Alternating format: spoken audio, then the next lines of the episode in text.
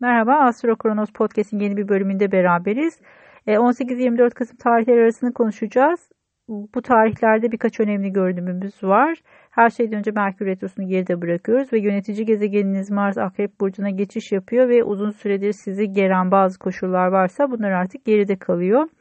E, ve aynı zamanda Güneş'in yay burcuna geçişiyle beraber artık bu e, ateş elementinde göstergeleriniz varsa özellikle Koç burcu olarak buradaki e, süreçler sizin açınızdan daha destekleyici olacaktır. Şimdi günler üzerinden bakalım. Pazartesi günü birazcık riskli harcamalar gündeme gelebilir. Buraya biraz dikkat etmek gerekiyor.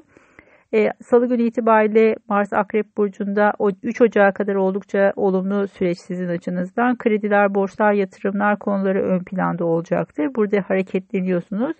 Merkür Retrosu da buradaydı hatırlayın. Burada bazı aksaklıklar gündeme gelmişse şimdi bunları toparlamak açısından harekete geçebilirsiniz. Oldukça güçlü bir zaman bu süreci iyi değerlendirmenizi öneririm.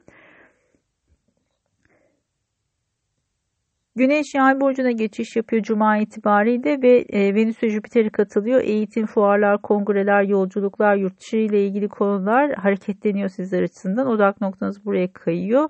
Sizler açısından destekleyici bir süreç her şeyden önce. Ateş elementindeki geçişler sizin için olumludur. Bazen ilk faz yaşıyoruz cumartesi günü ilişkilerle ilgili konularda açıkçası bazı... E, sıkıntılar varsa bunları geride bırakıyorsunuz. Bazı ilişkilerde mesafe almak durumunda kalabilirsiniz bugün. Pazar günü her şeyden önce e, Venüs-Jüpiter kavuşumu destekleyici özellikle dediğim gibi eğitim, yolculuklar gibi alanlarda yay burcunun olduğu konularda destekliyor sizi. E, sadece Mars'ın Uranüs'te bir karşıt açısı olacak. Özellikle e, sabit burçların ilk derecelerinde göstergeleriniz varsa buraya biraz dikkat etmenizde fayda var. Ani masraflar çıkabilir burada.